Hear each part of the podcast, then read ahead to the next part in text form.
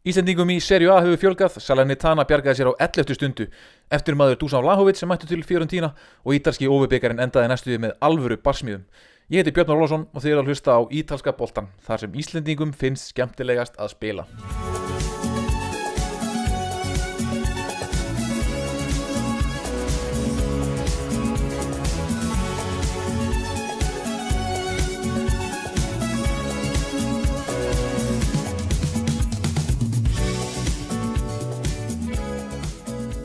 Já, eins og ítalska deildin tók ég mér gott frí til að geta haldið heilu jól á 13. dánum hófst deildin svo aftur með heitlu umferð mínus COVID-leikindir og síðan um helgina var aftur spiluð önnur umferð meðan englendingar pása deildina til að spila umferð í elstu og 30. byggakefni heims og aðrir þykjast horfa á Afrikumótið þá var efur heldur betur dreyið til tíðinda á Ítalju.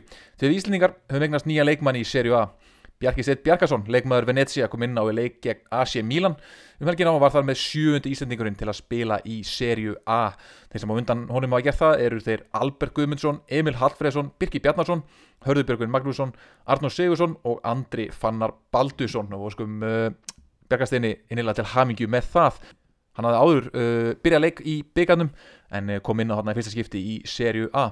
Og þetta er ekki einu fréttunar á honum því að uh, hann verist nú vera á leiðinni til Catanzaro í serju C á láni eins og ég greindi frá í vikunni. Það verður vist tilkynnt á morgun en hann var í lækniskoðun í Catanzaro í dag.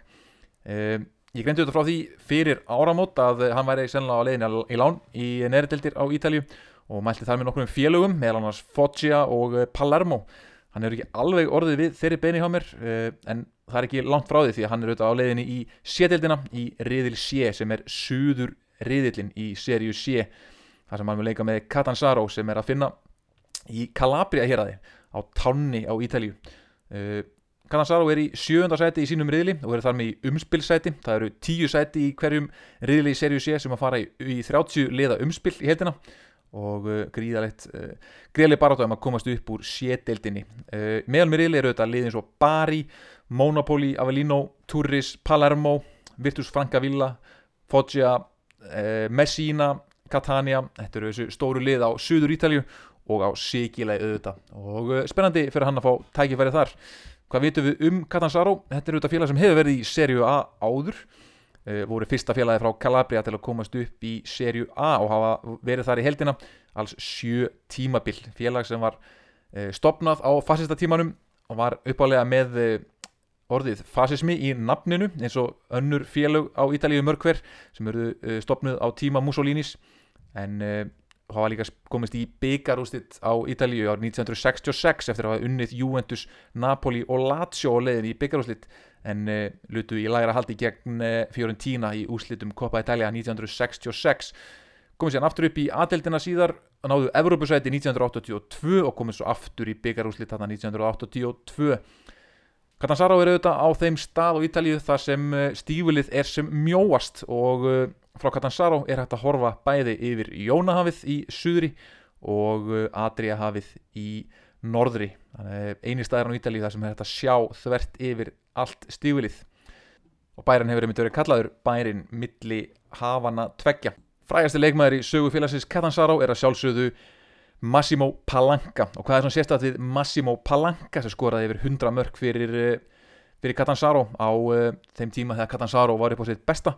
Jú, hann skoraði alls 13 mörg beint úr hotspinnum og það er með sem ég held að uh, hann hljóta eiga bara í heiminum. Við flest mörg úr hotspinnum uh, hjá einum leikmanni á ferlinum. Massimo Palanca, hotspinnu hetjan sem spilaði í skóstarð 37 litli skór hjá alvöru markaskórurum eins og Beppe Signori sem spilaði alltaf í pingulillum skóm pingulilli skóstarð. Við óskum auðvitað að Bjarka allsins besta þar uh, vonandi kemst uh, Catanzaro í umspilið og vonandi komast þið bara upp úr serju C en uh, það er satt Bari sem eru efstir í deildinni og munu líklegast vinna þennar riðil en þeir eru að góðan möguleika að komast þarna í umspilið góða. En höldum að sára með fréttunar frá því að síðasti þáttur var því að Salernitana fekk að hanga inni í serie A en um tímaði desember var útlitt fyrir að félagið er dæmt úr leik og einfallega hent úr deildinni. Ástæðinu auðvitað svo að Claudio Lotito, fósiti Lazio sem á félagið, uh, hann á líka Salernitana en sami maður má aðeins ega eitt félag í eftir deild á Ítalju Honum var síðastliðið sumar skipað að selja félagið en það mistókst og í staðin mátt hann afhenda stjórnvöldin til sjálfstæðs sjóðs fyrir þar með undan þá fram að 31. desember þegar hann átt að vera búin að selja félagið. Það gekk síðan afar illa og það var ekki fyrir en örf á mínutum fyrir deadlineið að það kom tilbóð frá kaupsíslumanni í Napoli sem heitir Daniel Jervolino upp á 10 miljónir evra. Og uh, af því að Lotito afhendi þessum sjóð félagið þá fekk hann engur ráðið um söluna. Uh, þessi sala á 10 miljónir evra og nú er hann gjössanlega brjálaður því hann vildi meina að félagið væri miklu, miklu meira virði hann vildi uppæða að fá 70 miljónir evra fyrir klubbin síðasta sumar en fær núna í uh, sinn vasa 10 miljónir evra hann vil líka meina að það hafi komið inn betri tilbóð fyrir dellanið en að sjóðurinn sem hafi síðan söluna hafi hafnað því tilbóði og Já, þetta var svo tæft að ég var hérna á eh, síðustu metrunum sjálfur að ég huga að sapna saman íslenskum fjárfæstum. Var komin okkra early crypto kings vini mína og fleiri góða vini. Eh, ég að sapna íslenskum fjárfæstum til að bjarga þessu félagi frá Amalfi-stöndinni. Eh, en Daniel Jervolino, hann var á undan mér og kefti félagið á 10 miljónir evra, sem er alltaf ekki neitt. En það tókst ekki á mér sem sagt og Daniel Jervolino er nýr fósett í Salernitana sem næra að halda sér í serju A og hann hefur talað um að hann vil gera Salernitana að Atalanta suðusins hvað sem það nú þýðir og liðir náttúrulega í fallseti neðstir og uh, munu öllum líkitum falla verist ekki verið með pening til að versla fyrir. En þeir eru þó búinir að ráða Valdir Sabatini núna í januar sem sportingdirektor og það er maður sem að kann að finna talent. Þannig að það eitthvað verist að nú vera með í kotturum þessi nýji fósiti eh, Daniel Iervolino. Massimo Ferrero fyrir um Fossuti Sampdoria þessum sögufræða klubbi sem var fangelsaður í desember grunaður um efnahagsbrót eins og við talaðum um í síðasta þetti hann er auðvitað mætt búin að mæta í viðtal hjá Gazzetta Sport eins og fangelsaður menn gera gjarnan. Uh, það saðan með annars að hann var að skrifa bók um þetta mál, þetta glæpamál sitt. Hann segist að það var miklar áhugir af stöðunni þar sem hann er í fangelsi og er með 600 starfsmenn í vinnu sem að getu hvernig sem er mist vinnuna. Hann segist ekkit vita hvað hann er grunaður um að hafa gert hann segist ekki geta útskýrt þetta hann segir í fjölmjölum að hann langi til að ringja tvö símtöl annars vegar til að tala við síni sína og hins vegar til að ringja í fyrirlega Sandoria Fabio Quagliarella og útskýra hlutina fyrir honum hann hefur eitthvað ákveðið frekar að taka símaviðtal við eh, Gazzetta dello Sport heldur hann að nýta þetta símtal til að ringja í fjölskyttu meðlimi sína síðan sagða hann líka það sem eh, allir ríkir menn segja sem eru fangilsæðir Síðan langar með að hrósa starfsfólki í fangilsins. Við þurfum að bæta kjör þeirra. Þeir koma fram við, mig eins og sannir herramenn þrátt fyrir að vera á allt og lágum launum, sagði Ferrero Fossetti Sampdoria örlátur í samtali við Gazzetta dello Sport. Nú og uh, síðasta frétt vikunar er auðvitað svo að fjóruðtína menn eru búin að finna artaka Dusan Vlahovic og það er auðvitað pólverinn Kristof Pjóntek sem er komin frá Hertu Berlín. Öllum líkindum sá maður sem er hugsaður að fylla skarðið sem að Dusan Vlahovic mun skilja eftir sig þar sem hann hefur ekki skrifið undan nýja samning við Fiorentina og hefur verið orðaðið við sölu núna til Arsenal í januar Kristóf Pjóndek er auðvitað einn skemmtilegasta öskubursku saga ítalska boltan síðaðra ára. Uh, allt þar til Junior Messias mætti til Asi Milan auðvitað á dögunum. Pjóndek er pólsku framherri sem að leik með Krakovia í Kraká í heimalandinu við ágætis orðstýr þangar til að hann var 23 ára gammal þá var hann til fósett í Genoa en svo Preziosi fer þá í sumafrí til Ibiza og rekst þar á einhvern umbósmann sem segist verið með alveg ótrúlega leikmann á sínum snærum. Hann sýnir Preziosi nokkur myndbönd og Preziosi hitla strax og kaupir Kristóf Pjóndek til Genoa á fjórar miljónir evra á þess að hafa séðan sjálfur. Og í svonum fyrsta leiki byggjaðum skora fernu síðan skoraði hann og skoraði og skoraði og skoraði. Og hann gati ekki átt skot í áttina marki á þess að boltin færi inn. Ef hann þrjum að boltarinn byndi upp í lofti þá hefði hann bara hitt fuggl og boltin hefði skoppað inn í marki. Svo markheppin var hann. Þetta var bara eins og Gabriel Batistúta endurfættur skoraði með hægri, með vinstri og með skalla. Og ég mætti sjálfur á leik með Genoa þetta höst 2018 og sá hann skora sigumarkið í 1-0 sigri á Bologna og það voru ömmur og afar í stúkunum sem voru farin að taka bissufagninans Kristof Pjóntek eins og ekkit væri eðlera og í januar, eftir hans 6 mánuði hjá Genoa þá var hann seldur til AC Milan á 35 miljónir evra. Það skoraði hann síðan nýju mörk í átjónuleikum á setni helming tímabilsins. En svo tímabili eftir fór að Hallunda fæti og hann var seldu til Hertu Berlin þar sem hann hefur skorað 12 eh, mörk í 54 leikum og ljóst að taurarnir eru kannski ekki alveg eins miklir og hann síndi þessa fyrstu 6 mánuði í Genua en það er gaman að fá hann aftur til Ítalíu. Og það er einhvers sem getur trekt hann í gang þá verða þetta Vincenzo Italiano eh, þjálfari Fiorentina. Því að við munum það að allir framherjar verðast skora undir Vincenzo Italiano. Uh, í fyrra þegar hann þjálfaði Spezia þá skipti engumáli hver spilaði frammi þeir skoruði allir. Mbala Nsola, uh, Andrei Galapinov Agudelo, Vlahovic núni ár skiptir engumáli, allir framherja skora. Þannig að við vonum að Kristof Piontek uh, muni finna aftur gamla formið sitt og hann byrja vel því að núna í kvöldi þetta tekið upp þá spilaði hann, kom hann inn á í sinum fyrsta leik fyrir Fiorentina. Byggarleiku gegn Napoli og viti menn hann skoraði mark í e, framlýkingunni en nóg um fréttir, við skulum bara byrja að fara hans yfir leikina sem voru síðustu helgi og byrja það bara á stóru leiknum fyrir okkur íslendinga. Venezia 0, AC Milan 3 þetta var einfaldur leikur, auðvöldur leikur fyrir AC Milan. Bekkistett kom inn á 88. mínútu fyrir David Okereke. E, þetta Milan-liðið síndi mikið karakter með mjög vangbróti lið. Eftir jól eru við búin að vinna Róma samfærandi 3-1 og síðan Venezia núna 3-0 og það vantar fullt af leikmunum út af COVID miðvaraparið þeirra eru Matteo Gabbia og Pierre Kalulu eh, sem er ekki tröstvíkjandi þeir hafa aðeins fengið þessu eitt markarna í þessum tveimur leikum Simon Kerr sleiti út af crossbund í desember og er for season eh, besti varnamæður serju A fram að því. Eh, Slatan byrjaði þennan leik og þessi leikur vittist henda honum vel og það sé aðeins fara að ásjá hjá honum finnst mér. Eh, Rafael Leao er að vera algjör heimsklassa kantmaður á vinstekantinum og Theo Hernández vinstir bakurinn skoraði tvö mörg og var uh, unstoppable fyrir uh, varnalínu Venezia. Og það er kannski aðalega Zlatan sem að mér finnst verið að fara inn að sína svona, að láta á sig sjá. Uh, ég sá í leiknum að Salemakers, belgin óvinnsæli hjá AC Milan hann var farin að gelta á Zlatan og láta hann heyra það þegar hann átti liðlega sendingu. Og þegar Salemakers er farin að gelta í áttuna Zlatan Eh, þá er Zlatan kannski ekki lengur þetta ljón sem hann segist vera. Þetta var svona smá ljótt að sjá, leiðilegt að sjá fyrir Zlatan. En við vitum alveg hvað býr í hans haus og uh, hann á eftir að stígu upp og lætur, mætir í næsta leik og lætur Salamekkers heyra tilbaka. Slú vona það að Zlatan sé ekki orðin lítill í sér. Og lögðan var sér annan leikur Empoli 1, Sassuolo 5 tvö léttleikandi lið en Empoli lið kannski aðeins og léttleikandi að tapa þarna 5-1 Empoli búið að vera á mikill í siglingu uh, þessi nýlegari deildinni eru í 11. sæti með núna jafnmörg stig og Sassuolo eftir uh, hálf spilaða deild. Og það vantar raunni bara örf á stig til að uh, Empoli tryggji sig í deildinni fyrir næsta tímanbíl og þetta er gríðalegur árangur fyrir nýlegana en þeir ákveða að mæta ekki til leiks í þessum leik. Skotin Liam Henderson jafnaði fyrir það á 16. mínútu síðan lendur undir strax í fyrirháleik og uh, þegar þeir uh, pengur síðan raukt spjald í síðarháleik þá tók Sassuolo yfir og unnvalvokum 5-1 Skamakka skoraði tvö mörg uh, Giacomo Raspadori skoraði síðan tvö og það er spurning út að þetta sé ekki bara þeir tveir leikmenn sem munir spila fyrir ítalska landsliðið í umspilsleikjórum í mars uh, gegn Norður Makedóniu og svo mögulega Portugal um, til þess að komast á HM í Katar. Uh, Skamakka kom með 8 mörg í 20 leikim og Raspadori kom 6 mörg og þessi tveir ungu ítalsku framherjar hafa verið að einhvern veginn farið vaksandi undanfarnar vikur og uh, fyrst að Federico Chiesa er mittur eins og ekki minna á eftir. Þá held ég að Skamakka sérstaklega sé að færast nær byrjunalið sæti í Ítalska landsliðinu. Sem segir nú kannski svolítið um uh, framherja stöðuna þarna hjá þeim. Napoli vann 1-0 seglu sigur á Sampdoria því að þetta Napoli-lið er gríðarlega þunnskipað um þessar mundir. Það vantar eftirfærandi leikmenn í leikmannahópin Hirving Lozano, Piotr Silinski, Alex Merit Markmann, Mario Rui, Kevin Malgui Anguissa er á Afrikamótinu á samt Adam Unas.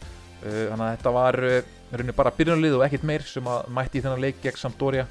Og það var vara framhergin uh, ameríski ískapurinn með klagavelinni sjálfur Andrea Petagna sem að skoraði marki með glæsilegri bakvartspinnu í þessum leik þar sem hann snýrist þarna með megin möndulhalla á ja, lötur hægt og smeltur hann fram hjá markverði Sampdoria greiðlegu seglu sigur hérna hjá Napoli.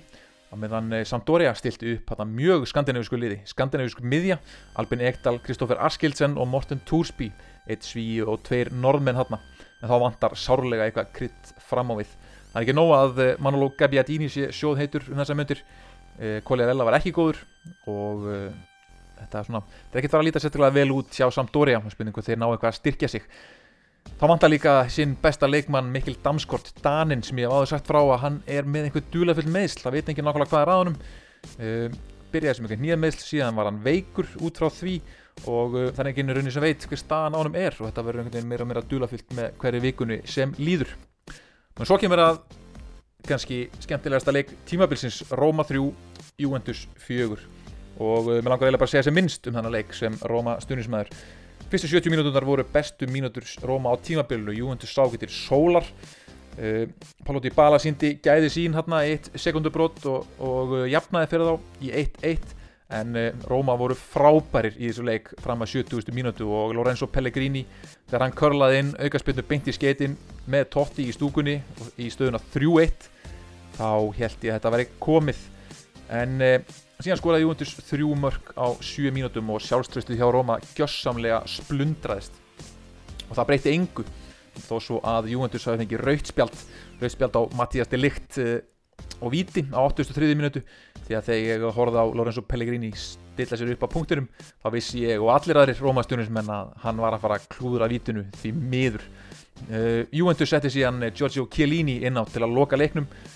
Uh, hann kom inn á leikurinn fór á stað, það leiði þrjá sekundur þá fekk hann höfuðhögg og þetta spila með svona sárabindu um höfuðið. Og menn velta fyrir sér hvort að hann hafi ekki spilað fleiri mínútur með svona sárabindi heldur en án í gegnum tíðina, mér finnst hann alltaf verið með sárabindi um höfuðið. Og uh, hann auðvitað lokaði leiknum uh, með uh, góðri vörð Juventus. Uh, Federico Chiesa, sóknamaður Juventus langsbækjast leiknum að þeirra tímanbylnu, hann mittist þetta tæklingu frá Chris Smalling og það hafa náttúrulega verið sérstaklega gróðtækling uh, og Chiesa er með sliti crossband og mun þar með ekki vera með Juventus og hjálpa þeim í barátunum um meistaraldarsæti á tímabilinu og hann mun heldur ekki vera með Ítalíu í umspilsleikjunum gegn uh, Norður Makedóníu og uh, Portugal í maður skrýðalegu missir fyrir bæði þessi lið. Nú Róma er síðan búin að selja Borja Majoral og Gonzalo Villar spánverðan á 2 til Getafe og eru búin að fá inn á í staðin Maitland Niles frá Arsenal sem har spilað þennan leik gegn Juventus og Sergio Oliveira, miðjumann frá Porto. Miðjumadur með langskott uh, sem hefur uh, verið saknað í Rómaborg í talsverðan tíma. Gríðalega sveikandi uh, Mourinho var að sjálfsögðum sjálfsögðu vonsveikin eftir þetta tap og talaði um að Róma sé ekki með mentality sem að þurfi til og það auðvitað einhverjum ofsögum sagt. Og mikið sem þarf að laga fyrir leik liðsins um komandi helgi Nú Genoa tapaði um 1-0 á heimavelli gegn Spezia. Sjövsenko tók við sem þjálfari eh, Genoa í desember. Nýju leikir, þrjú í aftefli 6 töp, 0 sigrar. Og þetta lítur ekki vel út hjá Sjövsenko og félagum í Genoa. Spezia þurfti virkilega svo sigrið að halda og eru þarna aðeins að gera sér líklegri í botbaratunni en þetta lítur illa út hjá Genoa og eini bjargvættur Genoa. Ég skal bara segja ykkur hvernig þetta fer núna síðustu, eða næstu vikur á mánuði. Davide Ballardini Davide legumóringin Hitman Ballardini hann var auðvitað reygin frá Genoa í desember og ég sæði það þá hann, hann áttur að koma aftur undir lók tímabils og bjarga þeim frá falli. Og uh, eftir nýju töp hjá Sjósenko uh, liðið hefur ekki spilað vel þeir eru valla með boltan í leikjunum. Þá held ég að uh, það stýttist í að Davide Hitman Ballardini mæti aftur til Genoa og haldi þeim uppi. Sjáu það gerast fylgist með þessu á næstu vikum Inter 2, Lazio 1 Intervilin mallar áfram. Og í þessum leik var það sjálfsögð Alessandro Bastoni, miðvörðurinn sem að átti þennan leik uh, frá upphafi til enda. Hann bæði skoraði með skrýmer á þess að beautiful fyrirgjöf í setna marki í liðsins 2-1 sigur hérna á Lazio. Og það við okkur aðdeglum mín að Alessandro Bastoni þessi hávaksni góði skallamæður miðvörður, uh, þessi örgleifur 1.90, 1.95 hann er ekki settur inn í teig í hotspillum heldur stendur hann fyrir utan tegin til að hamra frákastið inn. Og það segir hann sem mikið um löppina á þessum gæja. Og uh, leikmaður sem að uh, Antonio Conte gaf mikið tækifærið þarna þegar hann var þjálfari indir uh, og sérstaklega þarna vinstra megin í þryggjumanna vördunni þá er uppspilsfóturinn alveg svakalegur og gerir mikið fyrir þetta inderlið og Simone Inzaghi er að gera síst verri hluti heldur en Antonio Conte gerði með liði í fyrra og uh, er svona sigla hægt og róla í átta tillinum sínist mér. Um kvöldið var svo leikur Verona og Salernitana þar sem Salernitana sem sluppið með skrekkin í uh, þegar félagið var selt rétt fyrir deadlineið þegar unnur sinn fyrsta sigur frá því oktober 2-1 sigur á Verona. Engin rýper í með Salernitana en það var samt ekkert vesen uh, Verona sem var komið á mikla siglingu þarna fyrir áramót eftir að Igor Tudor tók við en nú er kannski new manager effektið búið og skamdegið tekið við. Og liðið kannski fara að spila meira eins og, maður, eins og þeir eiga að spila, eins og maður held að þeir myndu spila. Þú veist það er vant að einhverja leikmenn hjá þeim út af COVID. En þetta breytir samt litlu fyrir Salernitana, þeir eru enn á botniru með 11 stig, einu stíu eftir Genoa og síðan eru fjögur stig upp í átjóndarsætið og enn lengra upp í örugt sæti. Á mándaginn var svo leikur Torino og Fiorentina þar sem Torino vann ótrúlegan 4-0 sigur þar sem Fiorentina sá ekki til sólar, kannski mestan surprise í þessari umferð. Menn spyrja sig uh, hvort að Ivan Juric sé loksins uh, búin að selja leikmönnum Torino sínar hugmyndir. Ivan Juric er auðvitað frábær þjálfari, hefur verið það undan fara nár, gert náð undraverðum árangri með bæði Genoa, með Hellas Verona, hefur að ná miklu út úr slökum leikmannahópum. Hann tók við Torino fyrir tímabilið og Torino hefur verið auðvitað í mikil upplöst undan fara nár, uh, mikil veld á leikmönnum, margir leikmenn sem einhvern veginn er ekki með mentalitíð, nenna þess ekki. Það er auðvitað að taka svolítið til en uh, nú verið sem að hans er búin að ná uh, leikmunum á sitt band og uh, liðin í sætunum fyrir ofan. Dórinu verið nýjöndarsæti og liðin í sætunum fyrir ofan Lazio, Roma og Fiorentina þau ætta að passa sig við því að liðinas Júrits fara á flug og líkilmennir eru svona sterkir. Þeir eiga ennþá inni Andrea Bellotti sem er búin að vera mittur þá er voðin vís og ég held að Dórinu geta alveg verið barátu um Evropasæti fram undir loka umferðirnar. Á þriðu daginn var síðan síðasti leikur umferðarinnar Cagliari Bologna þar sem Cagliari vann ævintýralegan eh, lokamjöndu sigur í 2-1 í hörðum barátuleik þar sem, eh, jú, Cagliari vildi þetta meira. Eins og sagt er, þeir hafa gert mikla breytingar í januar, þeir eru búin að selja fílubókana í liðinu, Uruguayana Martin Cáceres eh, og Diego Godín þessa gömlu hjálka þeir eru farnir eftir einhverja klefa uppreist þarna um daginn. Eh, þriði Uruguayin, Naitan Nandes sem hefur orðaði við eh, stórlið á Ítalju hann gæti líka farið. Hann í einhverju sætir einhverju laurgluransókn í Uruguay fyrir ofbeldi og er orðin óvinsall í leikmannahopnum en uh, gríðalegu seglu sigur hann hjá Cagliari og gaman að sjá passjónið þar. Ég held að Cagliari munu líka bjarga sér alveg eins og þeir björguðu sér á síðasta tímanbili með alveg, alveg æfintýralegum hætti í, í loka umferðinni. Bestu leikminni þá hjá Cagliari? Mist Raúl Bellanova hægri kantmaðurinn eða bakururinn kantmaðurinn sem var á láni frá Atalanta. Er þann gríðalega góður. Mikið hraða henda vel inn í þetta lið að vera með hann og hærikantur um að dæla boltum inn í þegar þeir eru síðan með besta framherja, besta skallamann deildarinnar inn í tegnum Leandro Pavoletti. Og svo er auðvitað fyrirliðin Joao Pedro uh, alltaf segur framherjin sem að er komið ítast vegabrif og hann er líka að gera tilkall til að fá að spila þessa umspilsleiki í Ítalíu í, uh, í mars mánuði Í vikunni hefur líka verið spilað í ítalska byggarnum í gærmætti Ísningaliði Venecia Atalanta útífelli og tapaði 2-0 þar sem uh, auðvitað Korki Bjarkinni Arnór komu við sögu. Gazetan spáði því að Arnór myndi byrja að leikinn og hann var talað um þjálfari Venecia fyrir leik að hann ætlaði að rótæra svolítið en hann kom ekkert við sögum og uh, ég verði að viðkynna ef að Arnór spilar ekki núna leikin um helgina þá fyrst uh, alltaf ég ofisíali hafa ávíkjur af því að hann sé ekki það að spila hjá Venecia hann er orðin heill vantala eftir meðslinn sem var að glíma við þetta í haust. Hann hefur spilað vel fyrst mér þegar hann hefur fengið tækjafærið en ef hann fær ekki að spila í þessum leik í byggarleik og heldur ekki um helgina þá allir ofisíali að hafa, byrja að hafa ávíkjur af því að hann sé ekki að fá spiltíma.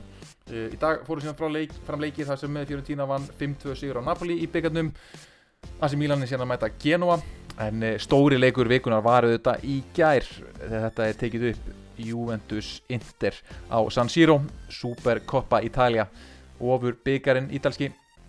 Þar sem Alexis Sanchez triði Inter sigur á loka mínútu framleggingar eftir 120 mínútur og eina sekundu skorar Alexis Sanchez eftir uh, mistök hjá Alexandro varnamanni Juventus. Bonucci, leikmann Juventus sem að stóða hliðalínunni tilbúin að koma inn á til að taka viti.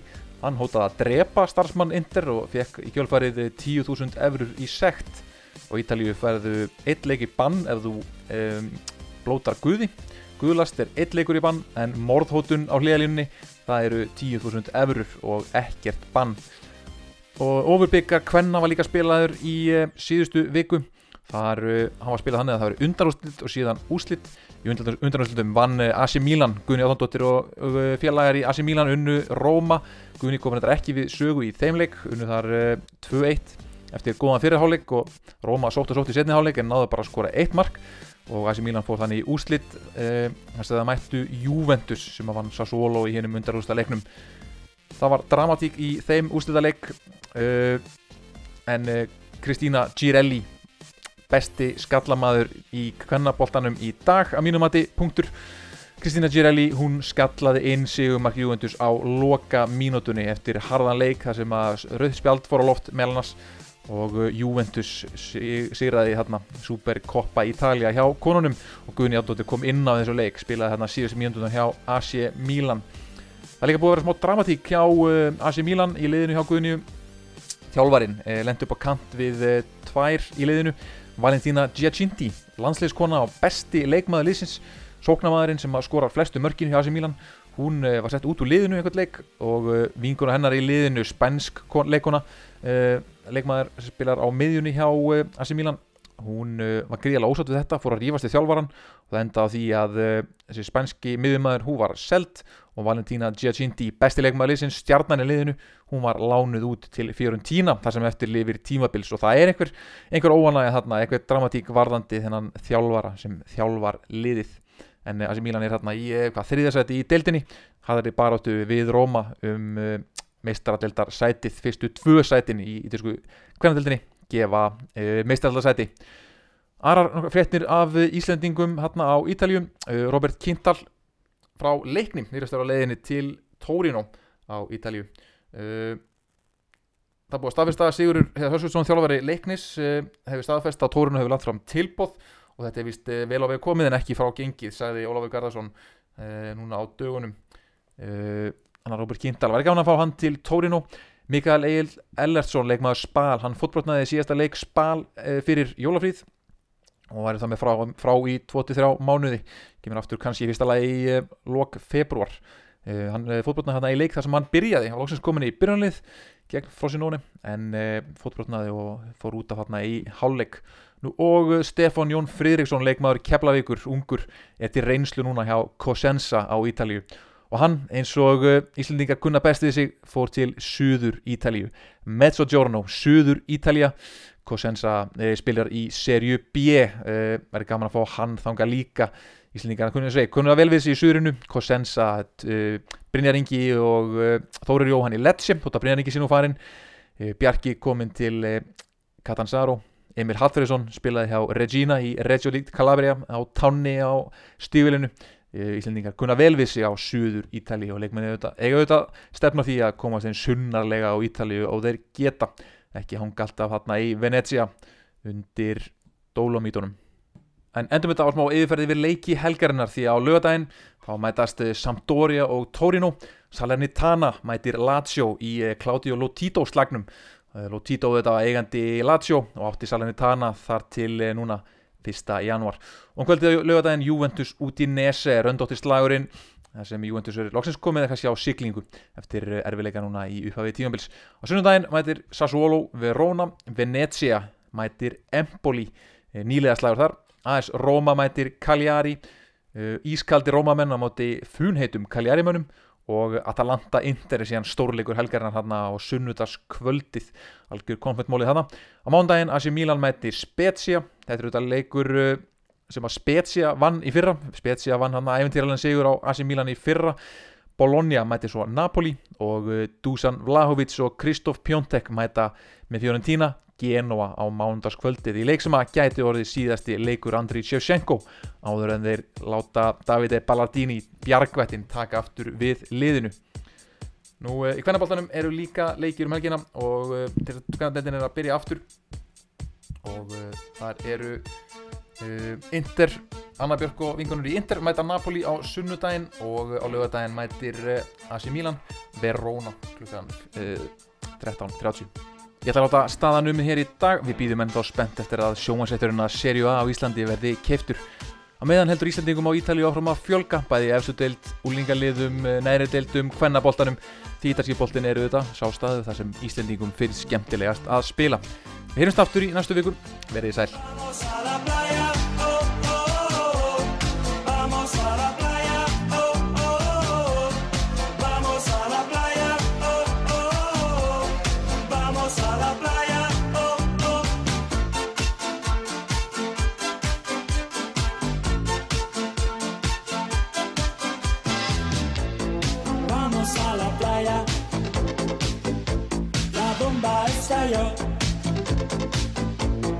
Radiazione sto stanco i mati Andrea su